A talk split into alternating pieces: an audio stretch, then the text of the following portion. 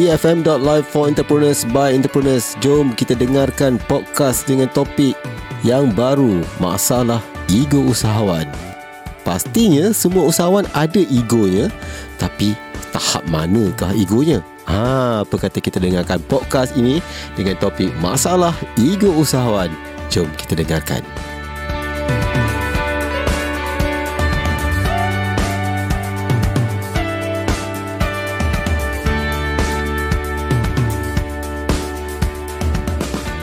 Tetamu kita yang saya uh, beritahu tadi saya nak perkenalkan uh, sekarang saya tunaikan janjinya iaitu saudari Indah Rebiah binti Marifat dari Indah Marifat Enterprise. Apa khabar? Alhamdulillah sihat. Alhamdulillah. Selamat datang ke EFM. Ya, yeah, thank you. Alright, nak panggil uh, apa ni? Indah. Panggil Indah. Indah. Alright, indah sungguh ha, namanya. Sebab kalau panggil in pendek sangat. Ha. Ha, every, banyak orang Dah pun in. tak boleh kan? Ha, yes. Ha, so panggil indah. Dah kan dah sudah pula. Betul. Jadi indah. Ah ha, panggil indah. Ah ha, nama pun seindahnya. Ya betul. Alright. Saya memang cantik. Yes. okay. Indah. Yeah. Okay, cuba cerita sikit pasal Indah Marifat Enterprise ni. Apa sebenarnya bisnes ni? Mungkin ramai pendengar nak tahu apa bisnesnya. Okey, Assalamualaikum. Waalaikumsalam. Okey. Uh, Indah Ma'rifat Enterprise actually mm-hmm. baru ditubuhkan 2016. Mm-hmm.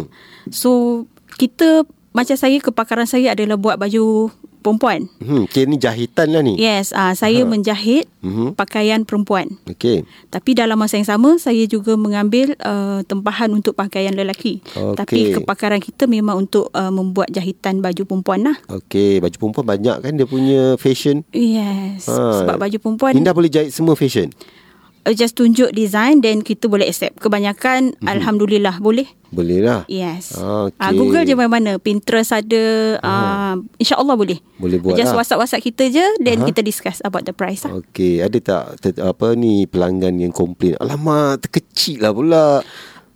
Dalam bisnes itu normal. Ha. Uh, sebab kadang-kadang uh. orang dia datang bulan satu Aha. Tapi nak pick up bulan empat Aha. So that Ada within, yang belum sampai empat bulan yeah, baru nak pick up Sampai setahun pun ada Serius? So, yes Kumpul duit ke apa? Ah, mungkin kumpul duit satu Kumpul lemak satu Ataupun los the lemak So dia datang buat ukuran Contoh dadah 34 Tiba-tiba datang 30 So kita nak adjust balik Kalau benda tu Dia jadi kecil That's Aha. no problem okay. Tapi kalau besar tu Kita nak cari uh, Kita nak adjust balik tu Memang kadang-kadang kita kemurungan Buat lah. baru lah kan Eh, tak boleh lah buat baru. Costing Nanti kita kena ganti kain semua No. Oh boleh lah adjustnya? Ah Boleh lah adjust. Kita ah. Macam sebab kita dah diajar Untuk macam mana kita reduce Kita punya masalah. Aha. So adalah part-part Yang perlu kita Buat lah. Okay Pelanggan pun murung Anda pun murung. Ah, Memikir macam, macam mana nak adjust yes, eh? betul. Alright Okay dan um, Indah Okay Belajar hmm. jahitan dulu di mana?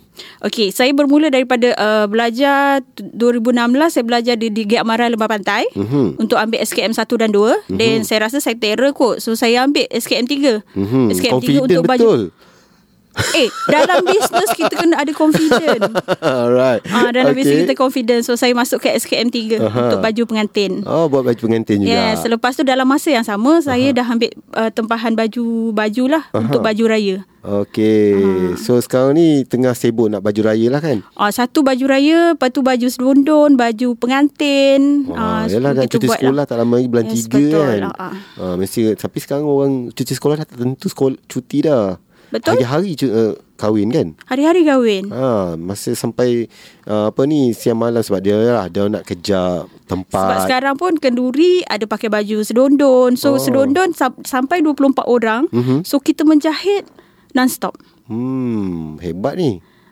bolehlah dikatakan nak cakap hebat tidaklah mm-hmm. tapi kita uh, sebab kita memilih jalan ini mm-hmm. dan bisnes ini mm-hmm. so nak tak nak kita kena buat lah alright betul okey di mana kedainya ataupun uh, tempat jahitannya oh Uh, ada kedai? Ada kedai kedai uh, kedai kami yang berada di uh, Giat Mara Lembap uh, sorry Giat Mara Kampung Baru mm-hmm. di Jalan Sungai Baru. Okey. Uh, kita bergerak secara personal macam mm-hmm. syarikat saya Indah uh, cantik by Indah Makrifat mm-hmm. tapi kita bergerak walaupun bergerak secara personal kita mm-hmm. ada team. Okey. Ah so team tu yang kita boleh buat banyak benda. Okey. Ah nak buat cushion, nak buat langsir semua pun insya-Allah boleh buat. Okey, biasa berapa hari untuk siapkan satu pakaian?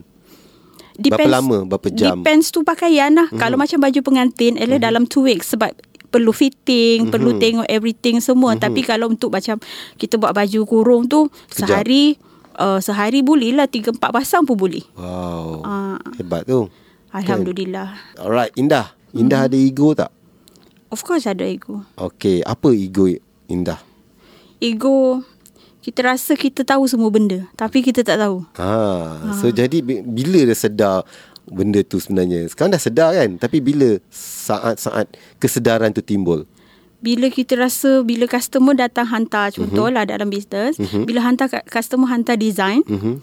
Then kita tengok dan kita rasa oh boleh buat mm-hmm. very easy. Mhm. Ah so kita masa, kita nak buat tu baru mm-hmm. kita fikir ya Allah susah juga buat. Ah Aha. ego lah. Tapi siap tak? Jadi tak? Alhamdulillah. So tak ada far komplain lah? ah so far tak ada.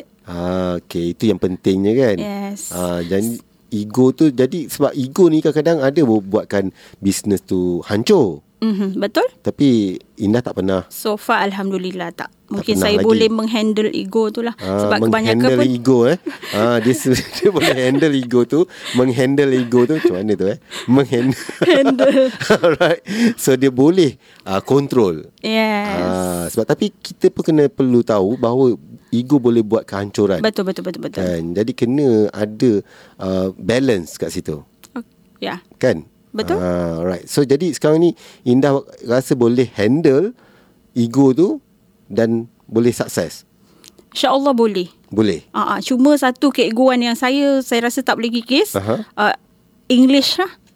Sebab kadang-kadang kita buat iklan, kalau kita iklan Melayu, orang kadang-kadang orang macam tak fikir kita Aha. terror tau. Bila Aha. letak English, oh orang tengok kita macam wah dia boleh buat. Ah, itulah ego saya, tak nak belajar English. So mentam je. Ke buat dalam bahasa Malaysia. Kita terpaksa buat bahasa Malaysia lah Dan tanyalah orang lain yang boleh uh, Tolong kita buat iklankan dalam bahasa Inggeris Okey, tapi tak apa uh, sebab benda ni juga bergantung pada sasaran pelanggan. Mhm. Mm-hmm. Kalau pelanggan Indah lah di kalangan orang Melayu, uh, sasarannya why not buat dalam bahasa Malaysia kan? Hmm, Ah, betul. sebab kalau itu sasarannya, betul tak? Betul, betul, Ah, betul. Lainlah Indah rasa nak uh, pergi menarik pelanggan-pelanggan pelbagai bangsa dan of course lah kita dalam negara kita semua orang rasanya boleh berbahasa Melayu kan hmm. faham hmm. apa yang uh, Indah ingin sampaikan. Yang penting konten tu kena betul. Ya, Ah, correct konten tu kena ada teknik dia.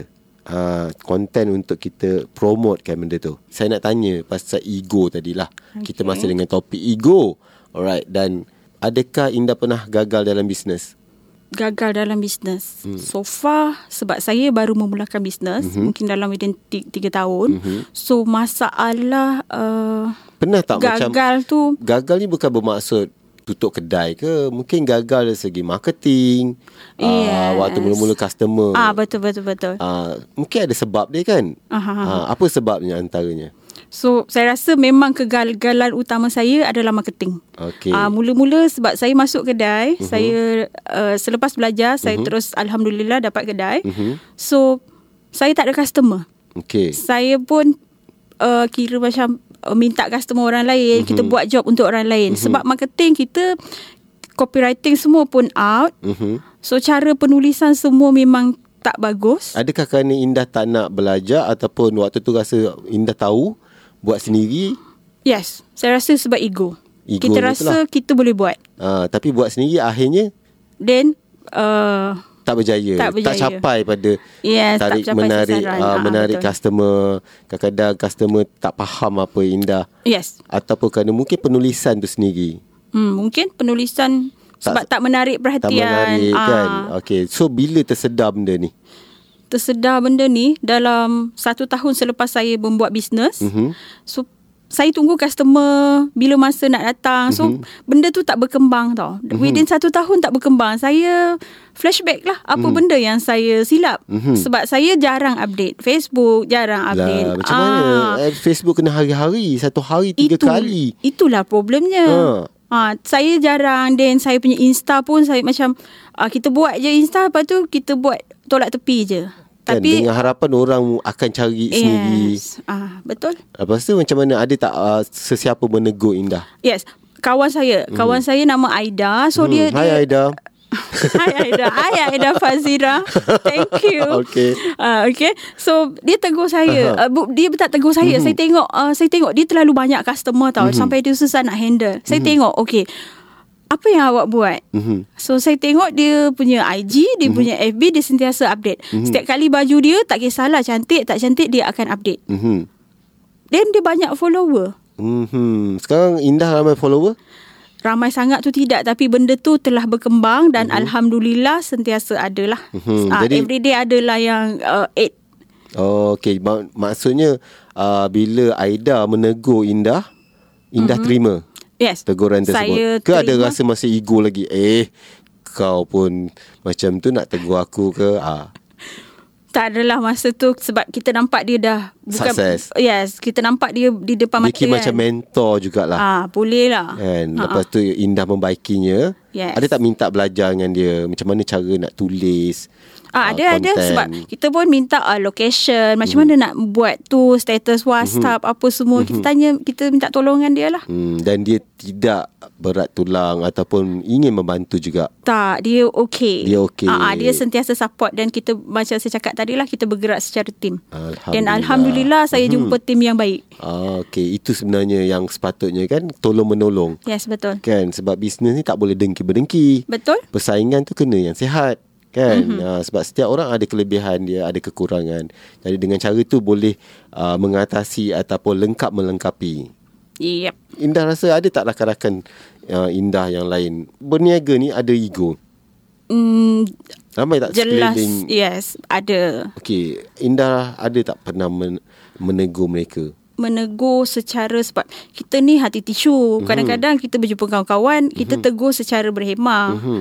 Tapi yalah penerimaan tu okey tak okey Tak ah, tahu. macam tu lah ah, tak tahu. Uh, ada tak yang kecil hati? Mungkin ada tapi mungkin Kan? kita ah, Itulah dia sebenarnya dia ego dia pula kan? Hmm. Ha, At least kita dah uh, buat tanggungjawab kita. betul? Ah so you terima alhamdulillah. Okey, selain daripada mentor uh, Aida tadi lah. Aha. Ada tak belajar mana-mana uh, apa ilmu berkenaan dengan keusahawanan ni? Yalah buat account sebab bisnes ni cabang dia besar bukan hanya menjahit kalau Betul. pakar pasal menjahit dia ada accounting pengurusan wang Mhm. marketing ada tak belajar mana-mana marketing uh, akaun kita pernah pergi tapi sebab mm-hmm. Giat Mara memang ada sediakan satu Mhm. mm-hmm. khusus mm-hmm. sebab saya alhamdulillah dapat geran untuk uh, rintis niaga so Mhm. di dalam tu dia ajar semua banyak benda lah mm-hmm. tapi dalam masa yang sama saya pun mencari kelas-kelas di luar Okey. Ah, kadang-kadang saya pergi kelas uh, apa saya pergi Dr Azizan punya kelas Mhm. mm-hmm. uh, tapi bayarlah bayar mm-hmm. ekstra lah dan kita pergi banyak banyak benda sebenarnya usahawan punya apa uh, talk Okey. dan kita tengok uh, was uh, sorry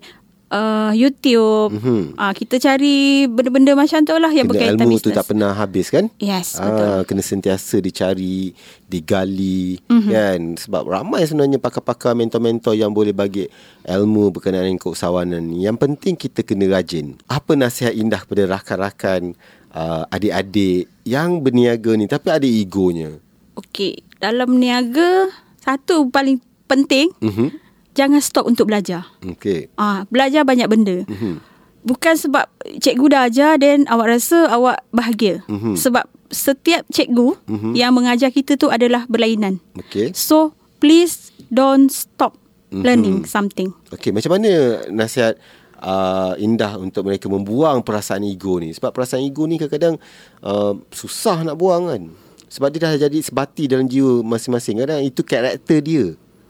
Macam mana nak buang? Ha. Sebab benda tu dari diri sendiri sebenarnya. Mhm. Ah, sebab macam mana nak cakap eh? Hmm, macam mana nak cakap? Susah sangat sebab ego ni memang dari sendiri lah. Mhm. So daripada ilmu semakin mandi banyak bunga. kita, So dia mandi bunga. semakin banyak kita tahu, semakin banyak kita kenal kebodohan kita. Betul. Ah, macam tu. Kan baru kita sedar. Eh, Yes, oh. Alamak aku tak buat benda ni. Ha. Kenapa aku tak tahu benda ni? Yes. Kenapa orang tu boleh berjaya dengan buat benda ni? Kenapa aku tak buat? Semakin banyak kita tahu. Semakin kita punya apa ego tu akan reduce lah. Kan? Yes. Ah, So belajar banyak-banyak.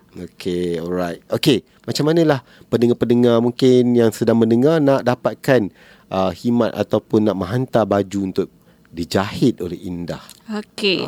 Senang je nak cari saya Saya uh, IG saya mm-hmm. cantik by Indah Ma'rifat mm-hmm. I N N D H M A A R I F A T. Mm-hmm. So fan page saya pun sama cantik mm-hmm. by Indah Ma'rifat. Mm-hmm. Pun boleh mesej saya dekat uh, WhatsApp. Mm-hmm. Uh, WhatsApp uh, 017 450 4050. Hmm. Cantik kan? Ah, cantik. Cuba sekali lagi sebut. 017 450 4050. Ah, uh, WhatsApp kalau lebih prefer sebab kita uh, menjahit. Uh-huh. Uh, bila you call kadang-kadang kita tak terangkat. Bila okay. you WhatsApp dan kita akan replace uh, bila kita baca lah. Okey, akan uh. di-reply bila baca. Yes, Alright. betul. Okey, jadi kepada anda jangan telefon dia. Dia tak akan jawab. so, kan, uh, WhatsApp je. Betul. Alright.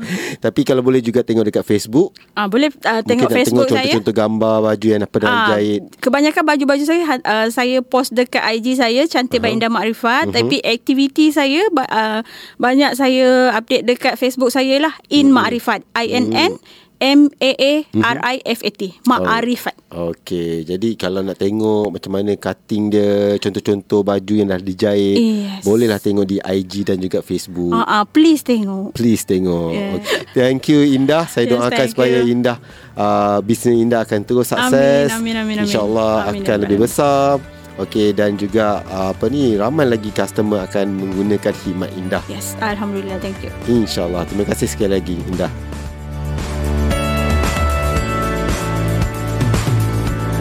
Itulah podcast Bicara Express yang telah disediakan oleh tim EFM. Teruskan bersama kami di episod seterusnya hanya di efm.live for entrepreneurs by entrepreneurs.